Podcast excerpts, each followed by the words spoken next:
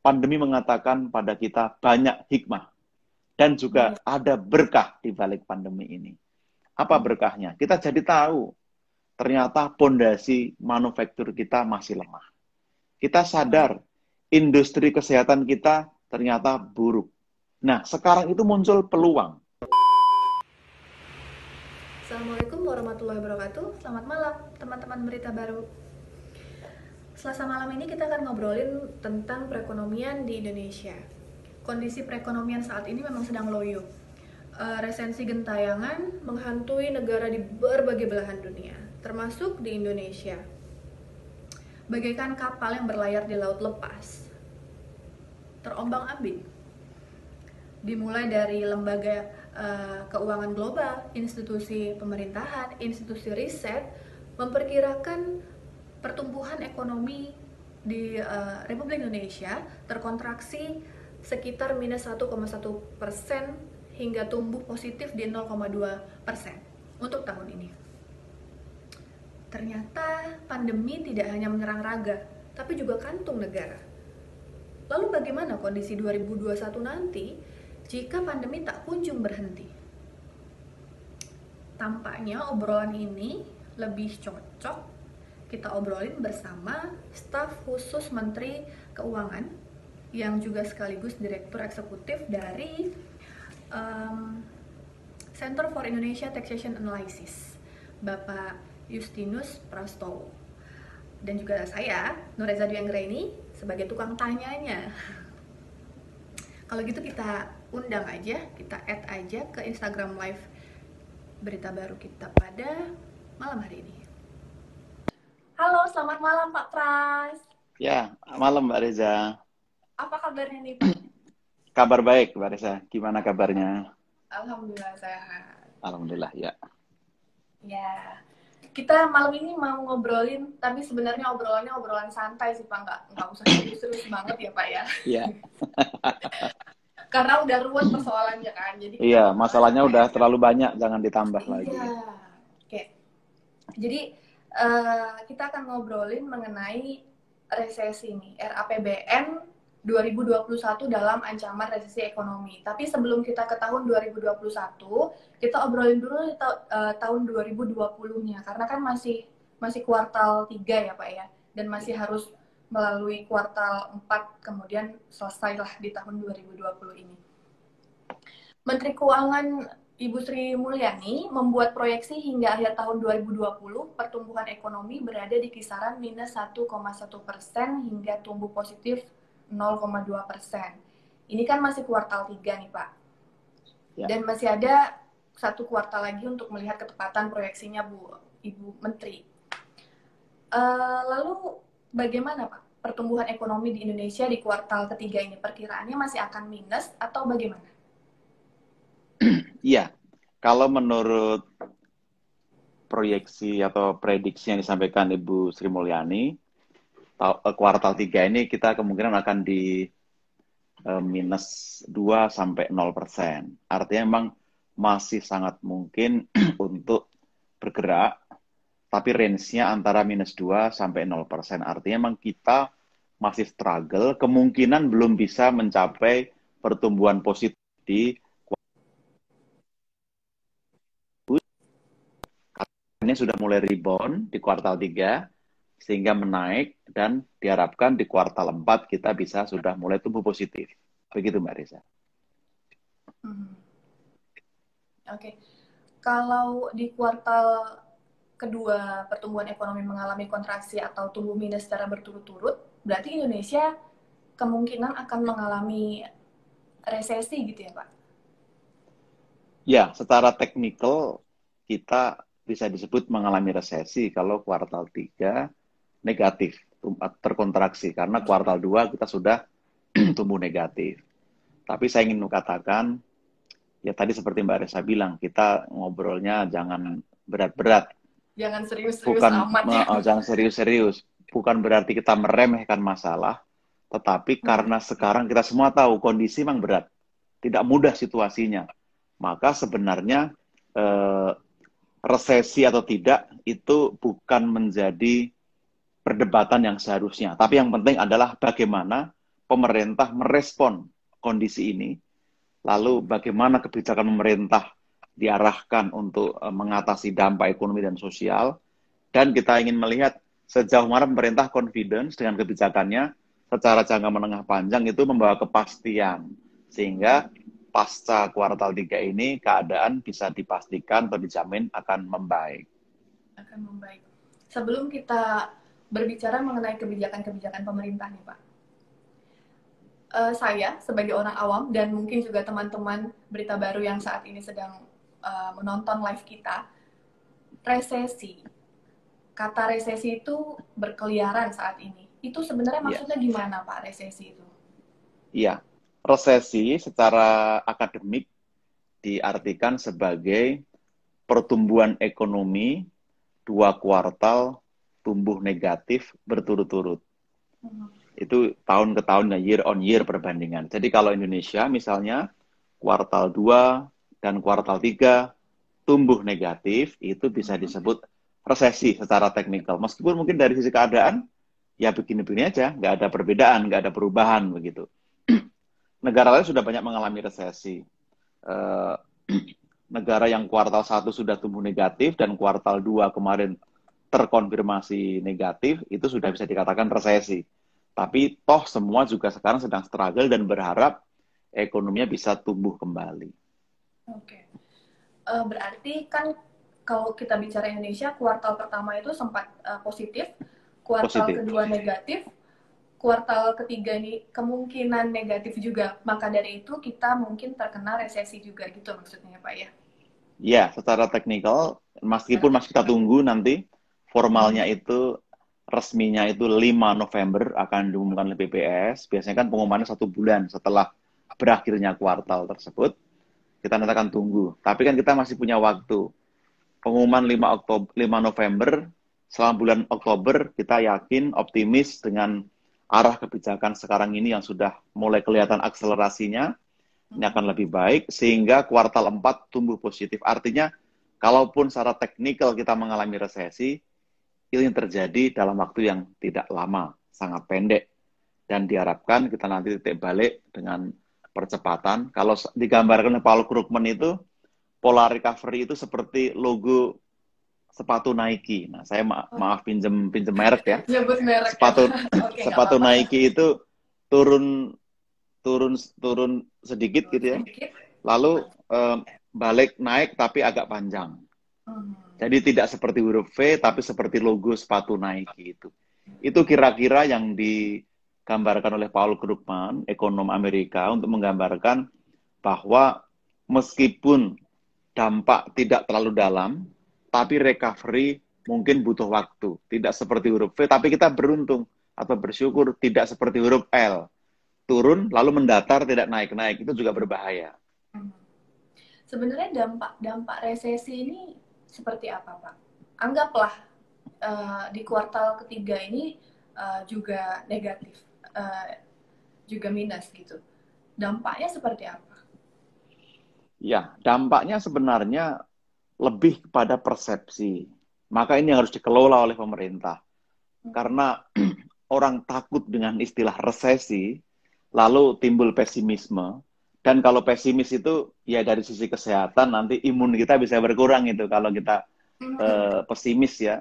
nah, dari sisi ekonomi atau politik katakanlah ketika orang dijangkiti ketakutan karena resesi, kekhawatiran itu bisa menciptakan panik. Nah, panik ini yang dulu atau di beberapa waktu itu bisa memicu terjadinya krisis. Ini yang saya kira perlu diantisipasi. Maka pemerintah ingin mengajak semua pihak tidak perlu khawatir, karena respon kebijakan pemerintah juga sangat jelas dan skema-skema stimulus insentif juga terus diarahkan untuk mendukung masyarakat terutama kelompok menengah bawah maka tidak perlu khawatir fundamental ekonomi kita cukup baik modal dari luar secara bertahap masuk artinya ada kepercayaan dari masyarakat atau eh, pihak internasional ke Indonesia dan harus kita pastikan juga eh, tadi saya sampaikan, kondisinya tidak ada perbedaan. Begini-begini saja kita saat ini. Memang semuanya tidak tidak happy, semuanya mengalami tekanan, semuanya susah, berat. Orang bisnis juga sekarang ini sangat tertekan. Tapi toh yang penting itu kita merawat harapan itu yang penting. Karena memang tidak hanya Indonesia tapi seluruh dunia juga mengalami hal yang sama. Betul, seluruh dunia mengalami hal yang ya. sama. Bahkan kita dibanding negara ASEAN, kita hanya lebih jelek dibanding Vietnam dalam pencapaian pertumbuhan ekonomi. Nah, negara lain sudah jauh lebih dalam. Malaysia, Filipina, dan lain-lain. Singapura bahkan lebih dalam. Nah, kita bersyukur kita masih cukup baik. Dan kabar baiknya, uh, indeks uh, purchasing manager atau PMI manufaktur kita itu sudah trennya tumbuh positif.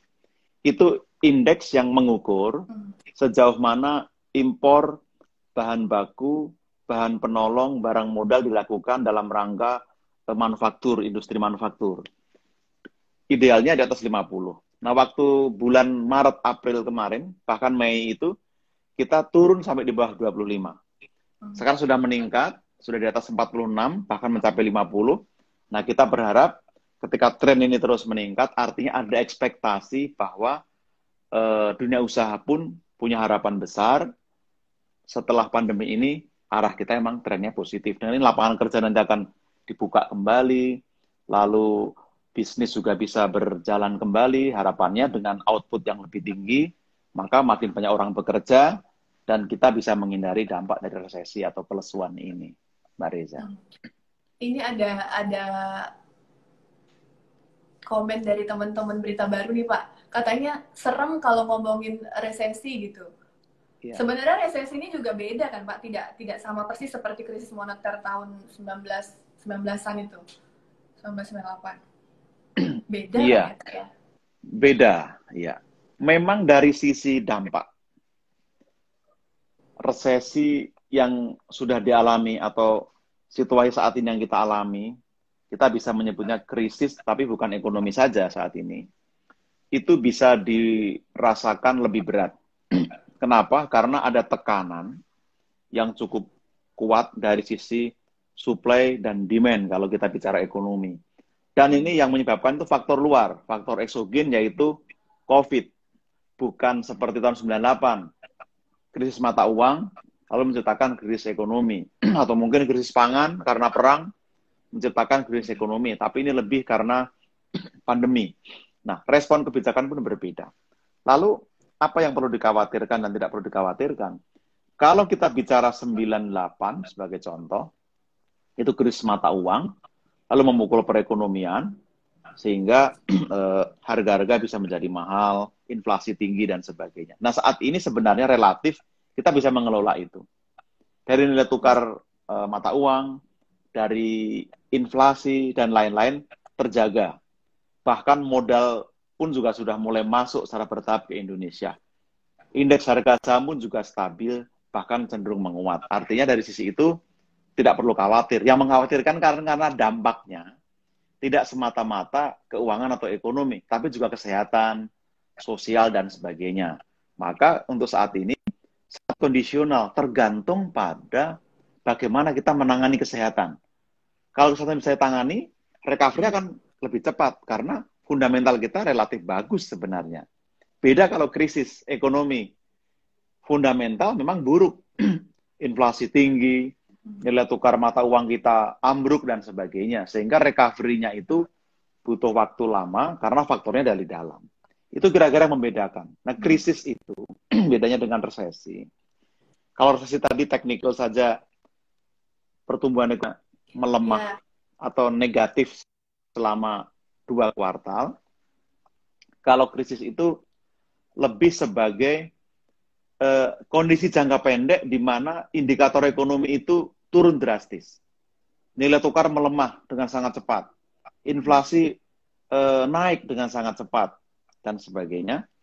Depresi beda lagi Mbak Risa. Kalau depresi oh. itu ya, situasi depresi juga ya Pak. Iya, kita hmm. mengalami Great Depression itu tahun 1929 era 1930-an di abad lalu. Itu lebih situasi krisis yang berkepanjangan. Jadi cukup lama. Memang ahli tidak sepakat soal berapa lama, tapi rata-rata itu lebih dari 2-3 tahun bisa dikatakan kita mengalami depresi atau eh, kelesuan ekonomi yang parah gitu. Parah. Berarti tingkatannya itu resesi, uh, kemudian krisis, baru depresi ya Pak?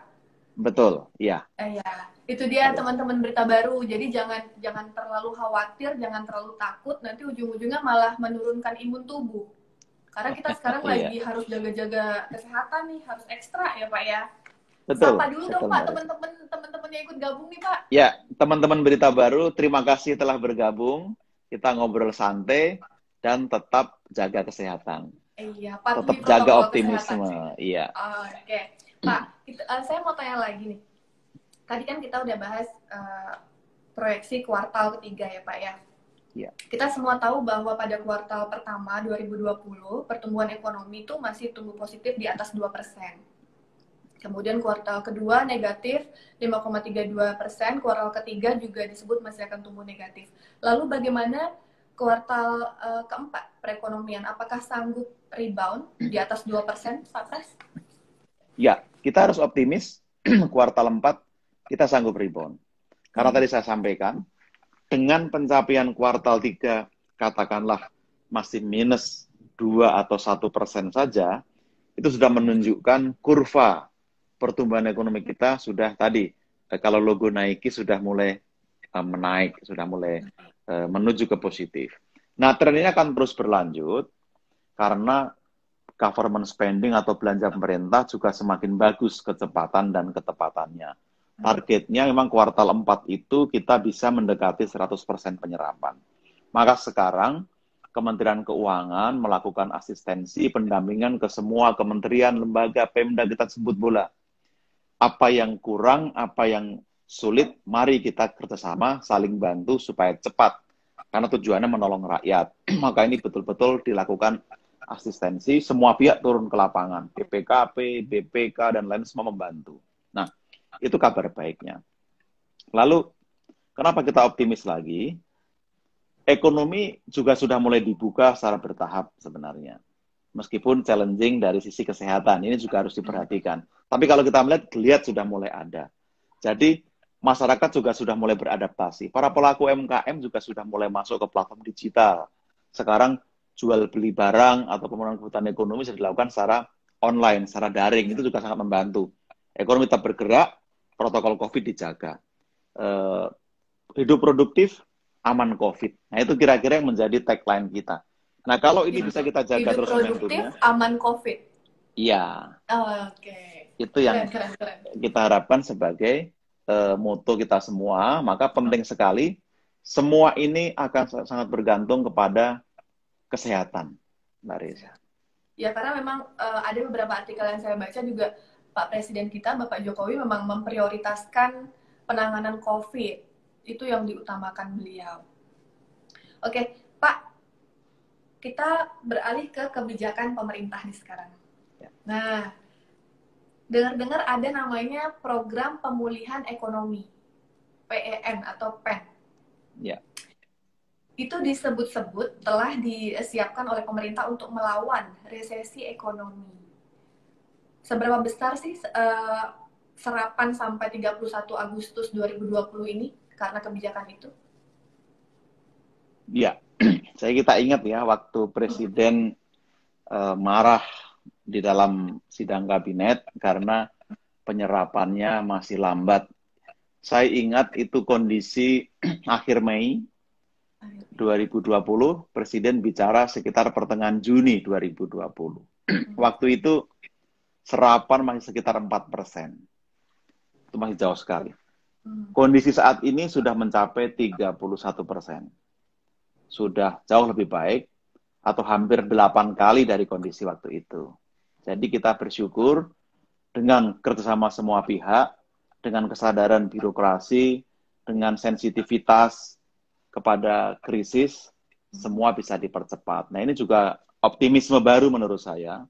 Birokrasi yang dulu sering dipandang lambat, tidak responsif, lalu sering mempersulit, faktanya dengan COVID ini mereka bisa akselerasi, bisa memberi layanan daring, dan sekarang juga bisa mendukung eh, belanja pemerintah lebih cepat. Rasanya ini kabar baik. Realisasinya memang bervariasi, Mbak antara kesehatan, UKM, lalu bansos itu berbeda-beda.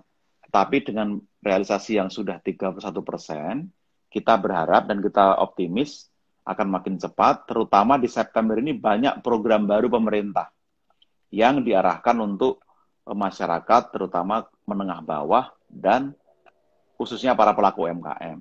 Jadi e, misalnya Banpres produktif untuk UKM ini menyasar 12,1 juta. Ini kan besar sekali.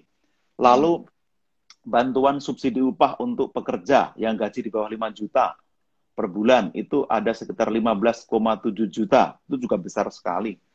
Jadi kita melihat ada nuansa optimisme, perbaikan, penyerapan semakin baik. Dan kita melihat ini bukti kita sanggup gotong royong. Kita sanggup bekerja sama. Kira-kira Pak, dengan adanya program-program dari pemerintah itu, terkejar tidak untuk untuk membuat di kuartal ketiga ini menjadi positif? Pemerintah terus berjuang. Sekarang ini segenap daya upaya dikerahkan betul untuk mencapai itu. Tetapi pemerintah memilih untuk tidak menggunakan pertumbuhan ekonomi sebagai target. Tapi seperti Presiden katakan, target kita adalah salus populi suprema lex. Keselamatan rakyat adalah hukum tertinggi.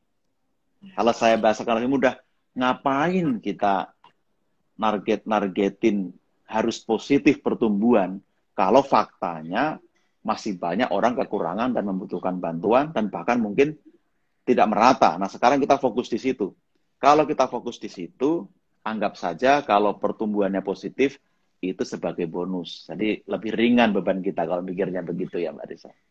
Oke ada ada muncul pertanyaan lagi Pak karena ada saya baca beberapa di di di artikel-artikel di media begini.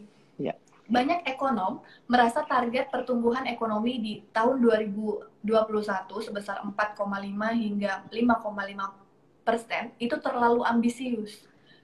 Melihat pandemi COVID-19 juga belum berakhir. Ini gimana menurut pendapat Bapak? Iya.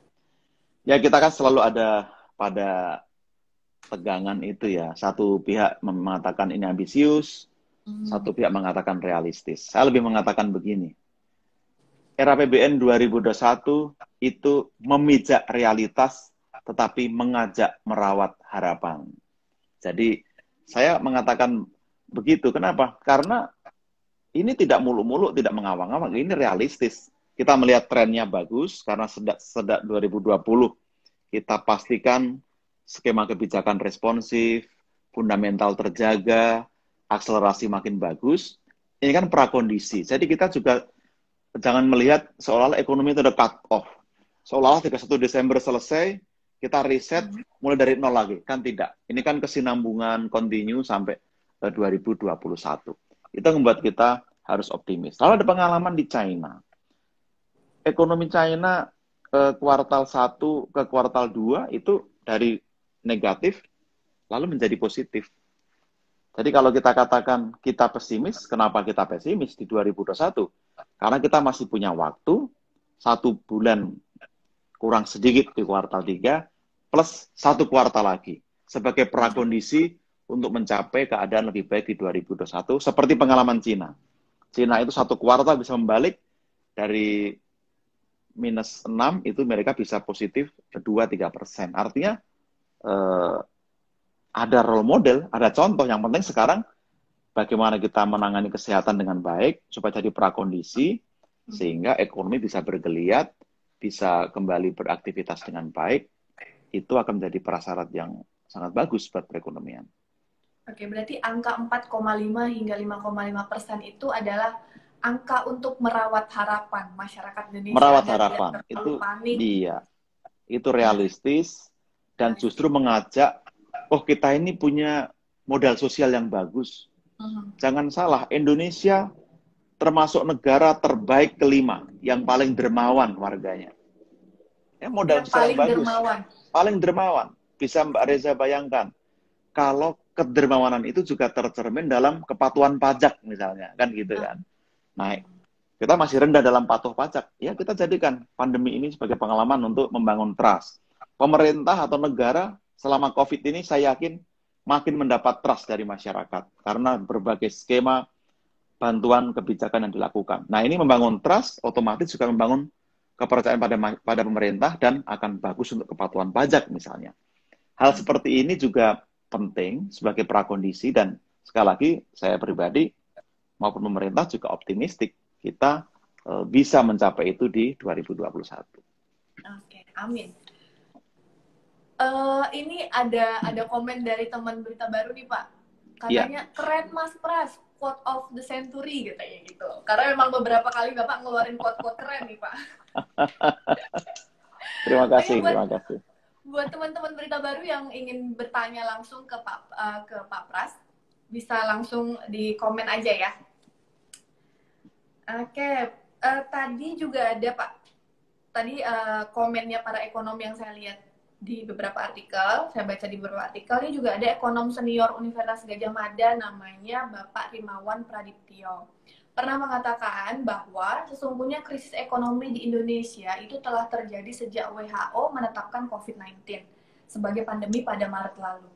Jadi kalau saat ini orang baru pada ribut soal krisis ekonomi, menurutnya sudah sangat terlambat. Ini bagaimana menurut pandangannya Pak Pras? Iya, Ya, Pak Rimawan sahabat saya. Saya yakin beliau ingin mengatakan begini. Terutama beliau ingin mengkritik para elit gitu ya. Nah, para elit ini kan sering dan termasuk kita menjadi bagian dari pergunjingan itu.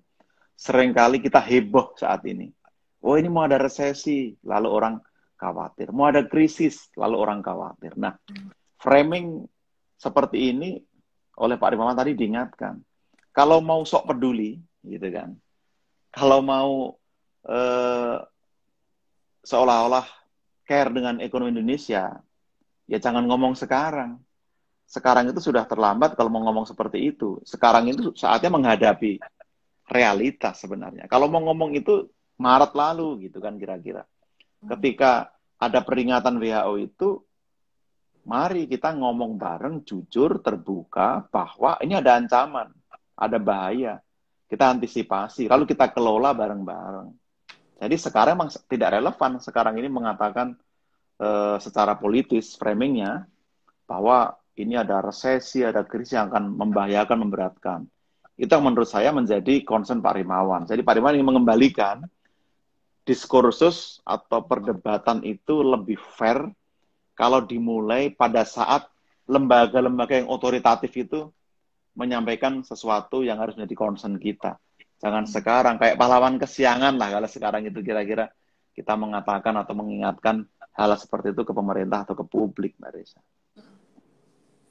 Ya, itu tadi ya Pak ya, mengenai pandangannya Pak uh, Rimawan Pradiptyo dan sudah ditanggapi oleh Pak Pras.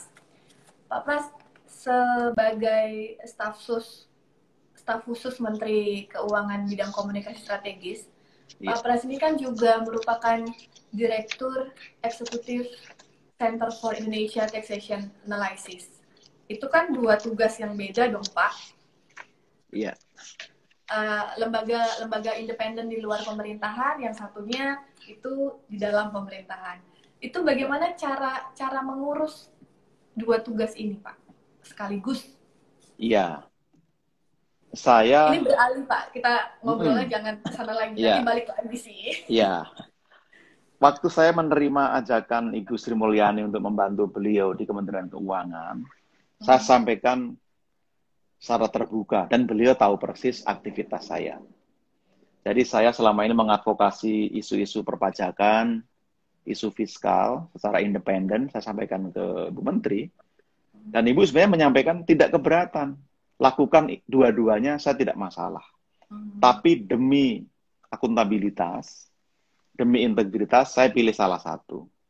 Jadi saya memilih untuk non aktif saat ini, meskipun saya masih menjadi bagian dari cita, itu tidak terhindarkan karena saya uh, ikut mendirikan dan ikut menghidupi. Tetapi saya memilih tidak menjadi acting director. Kenapa? Karena saya takut konflik. Kita jaga supaya tidak konflik. Orang kan kadang sulit membedakan. Saya bicara sebagai apa? Kapasitas sebagai siapa? Itu penting. Jadi saya sekarang full time menjadi staf khusus Bu Menteri Keuangan demi membantu beliau juga lebih optimal. Dan untuk Cita, advokasi pajak sudah bisa diteruskan teman-teman. Meskipun masih terus berkomunikasi, berkoordinasi, bertukar pikiran, tetapi teman-teman di sana sudah bisa melakukan lebih mandiri, lebih otonom, tanpa saya perlu campur tangan, dan saya pun juga tidak mau double agent gitu, Mbak hmm. Reza. Saya ngambil keuntungan karena posisi saya lalu menggunakan pengaruh-pengaruh ini untuk menguntungkan uh, pribadi itu yang juga saya berusaha hindari. Hmm. Jadi teman-teman berita baru yang belum tahu, Pak Pras ini juga expert dalam bidang perpajakan. Ya. Lalu Pak, uh, sebagai orang yang cukup dekat juga dengan orang-orang, dengan teman-teman uh, organisasi masyarakat sipil ya, yang kritis pastinya itu. Ya. Bagaimana Pak Pras mengakomodir saran ya. atau masukan dari mereka setelah menjabat menjadi staf susnya Bu Sri Mulyani? Ya, saya saya menyukai satu pemikir Italia bernama Antonio Gramsci. Okay. Antonio Gramsci itu filsuf Italia yang punya ide tentang uh, intelektual organik. Itu dulu amat menggelayuti batin dan pikiran saya dulu sedulu saya itu PNS, Mbak. Oh, saya pernah jadi PNS dan saya memilih untuk keluar karena saya merasa mengadvokasi kebijakan dari luar itu dibutuhkan waktu itu. Hmm. Jadi saya keluar, lalu saya bergabung dengan masyarakat sipil, meskipun sebelumnya saya juga sudah banyak interaksi masyarakat sipil, lalu kami mengadvokasi isu-isu anggaran, isu-isu perpajakan, dan isu-isu kebijakan uh, sosial. Itu yang kami advokasi. Jadi kedekatan saya dengan masyarakat sipil sudah terjalin lama dan saya masih satu hati dengan mereka. Sampai sekarang pun saya masih berkomunikasi dengan intens, dengan baik. Yang penting saya bekerja dengan transparan, dengan akuntabel. Saya tidak menutupi apa pun dan saya tidak dalam posisi harus berhadapan-hadapan. Bahkan saya masih merawat komunikasi dan koordinasi dengan teman-teman. Kita bertukar gagasan, saling mendengarkan, waktu saya di Kementerian Keuangan, saya bahkan membuat forum yang cukup rutin dengan teman-teman masyarakat sipil. Hmm. Pernah saya undang secara ofisial uh, ke Kementerian Keuangan untuk memberikan masukan. Kami ingin mendengarkan. Pemerintah selama ini terlalu banyak bicara gitu ya. Sekarang kita balik. Coba kami mendengarkan masyarakat sipil aspirasinya apa. Lalu kita bikin webinar, kita bikin kajian bareng dan lain-lain. Toh tujuan kita sama. Dan pemerintahan yang baik itu pasti tidak mau mengambil semuanya sendirian. Pasti butuh berbagi. Dan di sinilah pentingnya masyarakat sipil. Jadi saya tetap merasa bagian masyarakat sipil, membutuhkan mereka, dan mengajak teman-teman untuk mengawal kebijakan pemerintah. Kritik sekeras-kerasnya, bantulah sekuat-kuatnya. Itu kira-kira. Okay. Quotes lagi tuh, quotes of the day lagi tuh dari Pak dari Pak Pras. Uh, kalau saya lihat ya Pak, Bapak kan juga cukup aktif nih memberikan klarifikasi atas kritik atau tuduhan tanpa data dari berbagai pihak melalui media sosial, khususnya di Twitter. Uh, klarifikasi terbaru dari Pak Pras itu atas cuitannya uh, Said Didu terkait utang. Iya. Um, seberapa efektif sih? Oh ya, buat teman-teman berita baru juga jangan lupa follow uh, Pak Pras nih, at Prasto pakai W iya. belakangnya. Iya, terima kasih. Yang yang katanya tuh pemberi kabar tentang harapan dan kegembiraan. Nah, itulah alasan Pak Pras mengapa mengeluarkan quotes yang begitu banyak hari ini. Iya. nah, uh, seberapa efektif Pak penggunaan media sosial untuk mendukung kinerja Bapak? Iya. Jadi saya percaya media sosial berkontribusi besar sebagai katakanlah citizen uh, journalism gitu, bagaimana mendiseminasi informasi dan pengetahuan ke publik. Tapi sebaliknya, kalau digunakan dengan tidak bertanggung jawab juga bisa menjadi alat disinformasi dan propaganda yang tidak baik. Maka dengan aktif di medsos dengan komitmen memberikan literasi, edukasi, mengencourage orang supaya mau berdiskusi itu menjadi ikhtiar saya. Jadi itu komitmen saya. Yang penting yang saya sampaikan informasi yang benar, pengetahuan, dan saya menjaga prinsip-prinsip uh, sebagai uh, orang yang memahami etika dengan baik gitu. Misalnya tidak ad hominem, tidak menyerang pribadi, tetap harus dengan cara yang baik, dengan etiket yang baik. Lalu menyampaikan fakta dan lebih-lebih lagi mau mendengarkan, itu juga penting. Maka saya tulis bio saya itu kan office boy di lapangan Banteng. Iya, Jadi saya merasa saya ingin menjadi pelayan. Sampai sekarang saya juga melayani semua orang dalam hal ini untuk informasi, knowledge, untuk komunikasi. Jadi saya senang bisa melayani banyak orang dan saya tidak pernah merasa uh, posisi saya ini sebagai hambatan untuk tetap bisa melayani. Bahkan mungkin saya bisa melayani dengan lebih efektif. Nah, apakah efektif? Menurut saya efektif karena di medsos banyak orang bisa berinteraksi, banyak media juga mendengarkan, dan saya tetap percaya bisa mengubah orang sepanjang saya lakukan dengan data yang akurat, dengan cara-cara yang rasional, dan dengan eh, cara-cara uh, yang baik. Itu keyakinan saya, Mbak. Oke, itu dia. Tadinya juga saya pengen penasaran office boy di lapangan Banteng maksudnya gimana? Ya ternyata sekarang sudah terjawab. Iya. Oke Pak, kita ngobrol lagi ke pertanyaan-pertanyaan mengenai RAPBN ya Pak ya. Kita beralih tadi tuh agar nggak serius banget gitu loh Pak. Iya. Ini Pak, kita dalam Undang-Undang APBN 2020 itu kan ditetapkan target pendapatan negara sebesar 2.233,2 triliun akibat COVID-19. Kemudian dikoreksi melalui Perpres nomor 72 tahun 2020 ya. menjadi tinggal 1.699 699,9 triliun. Uh, ya. Jika dilihat dalam RAPBN 2021, pemerintah terlihat kembali optimis untuk menaikkan target pendapatan negara menjadi 1.776,4 triliun. Apakah ini realistis, Pak? Padahal kita tahun 2000, eh, kita tahu tahun 2021 ancaman ancaman COVID-19 ini masih cukup besar. Ya, lagi-lagi pemerintah mendasarkan atau eh, berpijak pada realitas bahwa eh, tren ekonomi mulai membaik. Dan pajak itu sebenarnya ukuran yang paling tepat untuk melihat atau menggambarkan kondisi atau kinerja ekonomi tahun ini sangat challenging dari sisi pajak. Hampir semua sektor, semua jenis pajak tumbuh negatif. Hmm. Berarti dampak COVID ini memang luar biasa. Tapi kalau kita melihat dengan stimulus yang diberikan, lalu dengan kondisi yang sekarang juga sudah, uh, saya tidak mengatakan bisa diatasi, tetapi sedikit banyak sudah banyak orang bisa menemukan cara untuk lebih inovatif, kreatif keluar dari tekanan pandemi. Itu sudah mulai ada geliat. Nah, kita melihat dari indikator penerimaan pajak sudah sudah mulai ada tanda-tanda menunjukkan perbaikan. nah, kita berharap dengan aktivitas ekspor impor yang mulai bergeliat, lalu industri hulu yang sekarang kita dorong itu industri hulu, Mbak Reza.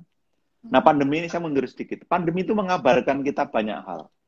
Tidak sekedar memberitahu bahwa ini wabah, pandemi mengatakan pada kita banyak hikmah dan juga hmm. ada berkah di balik pandemi ini. Apa hmm. berkahnya? Kita jadi tahu ternyata pondasi manufaktur kita masih lemah. Kita sadar industri kesehatan kita ternyata buruk. Nah, sekarang itu muncul peluang. Kita bisa kok bikin APD, bikin masker, bikin hmm. ventilator, bikin obat. Dan data menunjukkan selama pandemi ini ada perbaikan signifikan data Kementerian Perindustrian. Sekarang mulai banyak pabrik yang lahir, lalu pabrik yang relokasi atau eh, daur ulang, berubah baju dari eh, bisnis lama ke bisnis baru di sektor kesehatan. Jadi sekarang kita bisa bikin APD sendiri, masker, alkes, ventilator, obat sudah bisa. Maka keran impor sekarang di, mulai ditutup, mulai dikurangi, sehingga mendukung produsen dalam negeri untuk uh, tumbuh. Nah, ini prakondisi yang di 2021 kita harap bisa pelan-pelan memetik hasilnya. Maka itulah cermin dari optimisme penerimaan pajak akan kembali bergeliat meskipun belum sebagus tahun-tahun sebelumnya, tapi tumbuh 5,5 persen untuk pajak itu rasanya sinyal yang baik bahwa oh ya ekonomi mulai membaik. lagi-lagi tadi jangan abaikan kesehatan sebagai prakondisi karena tanpa itu ekonomi tidak akan bisa bergerak masif secara merata di seluruh Indonesia. Ya. Tapi ini nih ada nih Pak komenan dari komentar dari uh, teman berita baru nih dari Misbah underscore Hasan 83 katanya iya. menurut saya pemerintah gagal di bidang kesehatan hingga 6 iya. sampai 7 bulan ini masyarakat iya. yang terpapar di atas 3000 per hari nakes yang gugur semakin banyak bahkan karena saya posisinya saat ini sedang di Batam ya Pak salah satu rumah sakit pemerintah itu ditutup karena nakesnya banyak terpapar ya. itu, itu gimana Pak menurut pandangan Bapak ya Mas Misbah ini sahabat saya hmm. yang menjadi teman diskusi soal anggaran. Jadi terima kasih juga Mas Misbah konsisten mengawal soal anggaran dan ini penting. Nah, saya setuju kita punya concern yang besar di sisi kesehatan. Meskipun itu bukan bidang saya, saya tidak pengen jadi ahli segala atau sok sok ahli, tapi kira-kira begini, apa yang terjadi di dalam pemerintahan ya. Presiden juga sering kali mengatakan dan mengulang dan saya yakin ini komitmen Presiden bahwa kesehatan itu prioritas, itu utama. Tidak ada yang lain yang lebih penting, termasuk ekonomi sekalipun. Tapi kita juga ada pada dilema. Jangan sampai tidak terpapar COVID, tapi terkapar karena ekonomi. Kan kira-kira begitu. Maka sebisa mungkin keduanya itu berdampingan, meskipun kesehatan prioritas. Nah, saya maklum dengan tingginya eh, angka positif dan belum terkendalinya COVID, itu juga menunjukkan pemerintah sedang eh, sangat challenging, sedang berjuang untuk itu. Saya tidak mau mengatakan gagal karena masih panjang perjalanan ini, tapi bahwa belum maksimal, ya. Ada di mana? Saya melihat memang eh, ada kelambatan dalam mengeksekusi beberapa program yang sebenarnya sangat vital, terutama stimulus kesehatan. Hmm. Pengadaan alat-alat kesehatan di awal-awal yang agak langka sekarang sudah terpenuhi. Sebenarnya sekarang dari si Alkes fine, semua sudah terpenuhi. E, Nakes juga sudah mendapat insentif, lalu Vaskes juga sudah mulai diinventarisasi supaya lebih baik. Sayangnya memang eh, testing, tracing, dan treatment itu yang belum optimal, Mbak Reza. Optimal. Kalau kita lihat jumlah yang dites dalam sehari itu belum bisa mencapai target presiden yang stabil di 30 ribu. Tapi ternyata ketika testingnya dinaikkan, konsekuensinya memang yang positif akan meningkat dan sebaliknya. Kita dulu sering mendengar, ya pantas saja yang positif sedikit, karena yang dites sedikit gitu kan. Coba kalau dites banyak. Nah, ini saya kira uh, dari tantangan kita. Nah mudah-mudahan dengan terobosan-terobosan yang ada, sekarang kita uh, mau impor rapid test yang lebih akurat dari Emirat Arab, tahu saya ada, ada rencana begitu. Itu bisa membantu untuk PCR nantinya dengan uh, apa tracing untuk para OTG misalnya. Lalu dukungan untuk Alkes tadi saya sampaikan, untuk Vaskes juga sudah saya sampaikan rasanya memadai. Tinggal orkestrasi kebijakannya emang ini. Bagaimana kita menangani. Nah, ada satu hal yang membuat ini agak berat. PSBB yang telah dilonggarkan. Ini juga menurut saya dilema ya. PSBB yang dilonggarkan itu akan menjadi situasi yang sulit bagi kita, baik kesehatan maupun ekonomi. Kenapa? Karena untuk mendisiplinkan lagi agak susah, Mbak. Orang Indonesia kalau sudah dilonggarkan, diberi keleluasaan biasanya sulit disiplin. Law enforcement agak sulit sekarang, apalagi mau ada pilkada. Biasanya kan kepala daerah ya bermanis-manis lah gitu ya. Nah itu dia uh, banyak tuh itu juga tantangan baru itu. Kalau urusan uh, pemerintah mau kampanye, iya. mau kampanye Betul. kayaknya udah nggak ada COVID-nya gitu. Nggak ada COVID, ini mengkhawatirkan. Emang emang ini menurut saya challenging dan butuh enforcement yang lebih tegas. Saya sepakat itu. Hmm. Nah ini juga ada nih Pak pertanyaan dari Dimas Cil. Pak tanya dong, C. Tadi saya baca berita indeks menyebut uh, indep indep menyebut RAPBN 2021 ternyata jumlah belanja infrastruktur lebih besar dari tahun lalu. Sementara tahun 2021 kita masih berkutat pada pandemi. Lalu bagaimana? Nah, gimana tuh? infrastruktur ya. Oke. Okay. Mm, infrastruktur. Infrastruktur di 2021 meningkat. Kenapa gitu kan penjelasannya? Mm. Baik. RAPBN 2021 itu lebih fokus, maka tagline-nya itu kan percepat pemulihan ekonomi, perkuat reformasi struktural. Nah, maka fokusnya tidak banyak. Membuat prioritas, reformasi kesehatan, reformasi pendidikan, lalu ketahanan pangan, dan infrastruktur digital. Itu fokus di 2021. Nah, kenapa kok infrastruktur meningkat? Karena ini tadi kesadaran dari layanan dasar yang ternyata masih kurang, termasuk kesehatan. Lalu peningkatan konektivitas supaya lebih baik dan dukungan pada pemulihan ekonomi. Maka anggaran yang naik di 2021 itu sebagian besar diarahkan untuk penguatan infrastruktur digital. Infrastruktur 30, digital. Iya, 30,5 triliun itu untuk infrastruktur digital. Baik perluasan dan peningkatan jaringan, kita itu akan membangun eh, ribuan BTS baru, lima ribuan BTS baru, lalu lebih dari 12 ribu unit layanan satelit untuk pelayanan publik, dan eh, platform digital untuk pelaku UMKM. Ini yang mau didorong. Lalu karena kita mau fokus ketahanan pangan juga, infrastruktur 2021 diarahkan kepada penyediaan Eh, prasarana dan sarana untuk ketahanan pangan, pembukaan lahan, irigasi dan lain-lain termasuk perbaikan kualitas uh, sanitasi, air, uh, kebutuhan dasar dan sebagainya. Itu yang membuat uh, anggaran infrastruktur 2021 kelihatan meningkat, Mbak Reza. Hmm. Oh, berarti itu alasannya. Itu juga untuk infrastruktur digital peningkatan itu. Ya. Ya, ini juga ada kait uh, pertanyaan Pak terkait terkait uh, kenaikan nih, kenaikan belanja negara. Belanja negara dalam Undang-Undang APBN 2020 itu kan sebesar 2.540,4 triliun. Kemudian dinaikkan sebesar 7,8 persen menjadi 2.739,2 triliun dalam Perpres 72 tahun 2020. Kemudian naik lagi nih Pak sebesar 0,3 persen uh, pada RAPBN 2021 menjadi 2.747, triliun. Pertanyaan masyarakat awam, saya ya Pak salah satunya, mengapa ya. ketika pendapatan negara turun, seharus uh, pemerintah justru menaikkan belanja negara Pak? Bukankah ketika pendapatan negara turun itu seharusnya dilakukan penghematan ya? Iya, iya logika awam itu betul.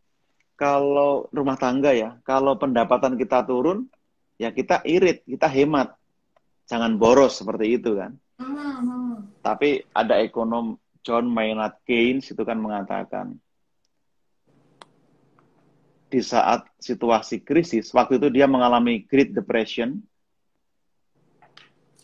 berbelanja atau boros itu sebuah keutamaan menyimpan uang itu malah petaka di saat krisis. Kenapa? Karena ekonomi itu butuh stimulus. Ibaratnya orang lesu darah, hmm. butuh vitamin, butuh minum suplemen penambah darah.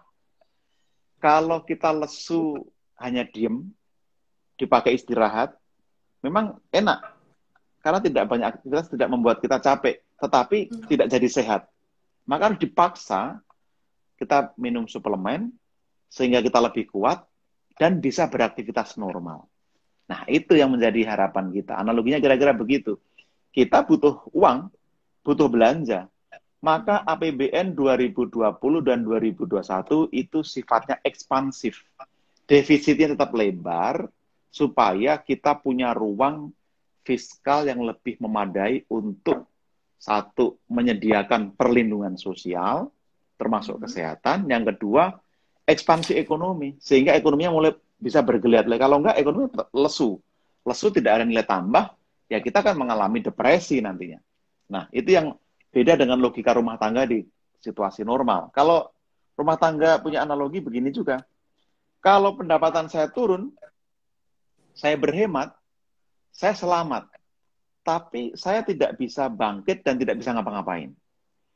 Maka keputusan kepala rumah tangga adalah saya tidak punya pendapatan, ya saya utang. Buat apa? Buat modal. Buat modal bisnis saya. Saya buka warung, toko kelontong, atau e, buka rumah makan dan sebagainya. Itu yang dilakukan. Sama dengan negara. Karena nggak punya duit dari penerimaan pajak, negara utang. Nah masih beruntung kita utang ke Bank Indonesia sehingga bunganya murah, rendah gitu kan. Untuk apa? Tadi untuk buka warung, untuk buka toko kelontong, buka rumah makan atau menghidupi masyarakat supaya ekonominya bergeliat. Jadi itu logiknya. Maka kalau anggaran kita justru dihemat, diirit, ekonomi kita nggak akan bergerak dan kita akan makin dalam. Kenapa? Yang membedakan, Mbak Reza, kalau dulu waktu krisis 98 UMKM itu menjadi penopang, hmm. tidak kena krisis. Sekarang UMKM terkena krisis paling awal. Ketika semua terdampak, semua berat, nah inilah pentingnya kita menolong. Harapannya pada negara, marketnya lumpuh, masyarakatnya tidak punya pekerjaan, menjadi miskin.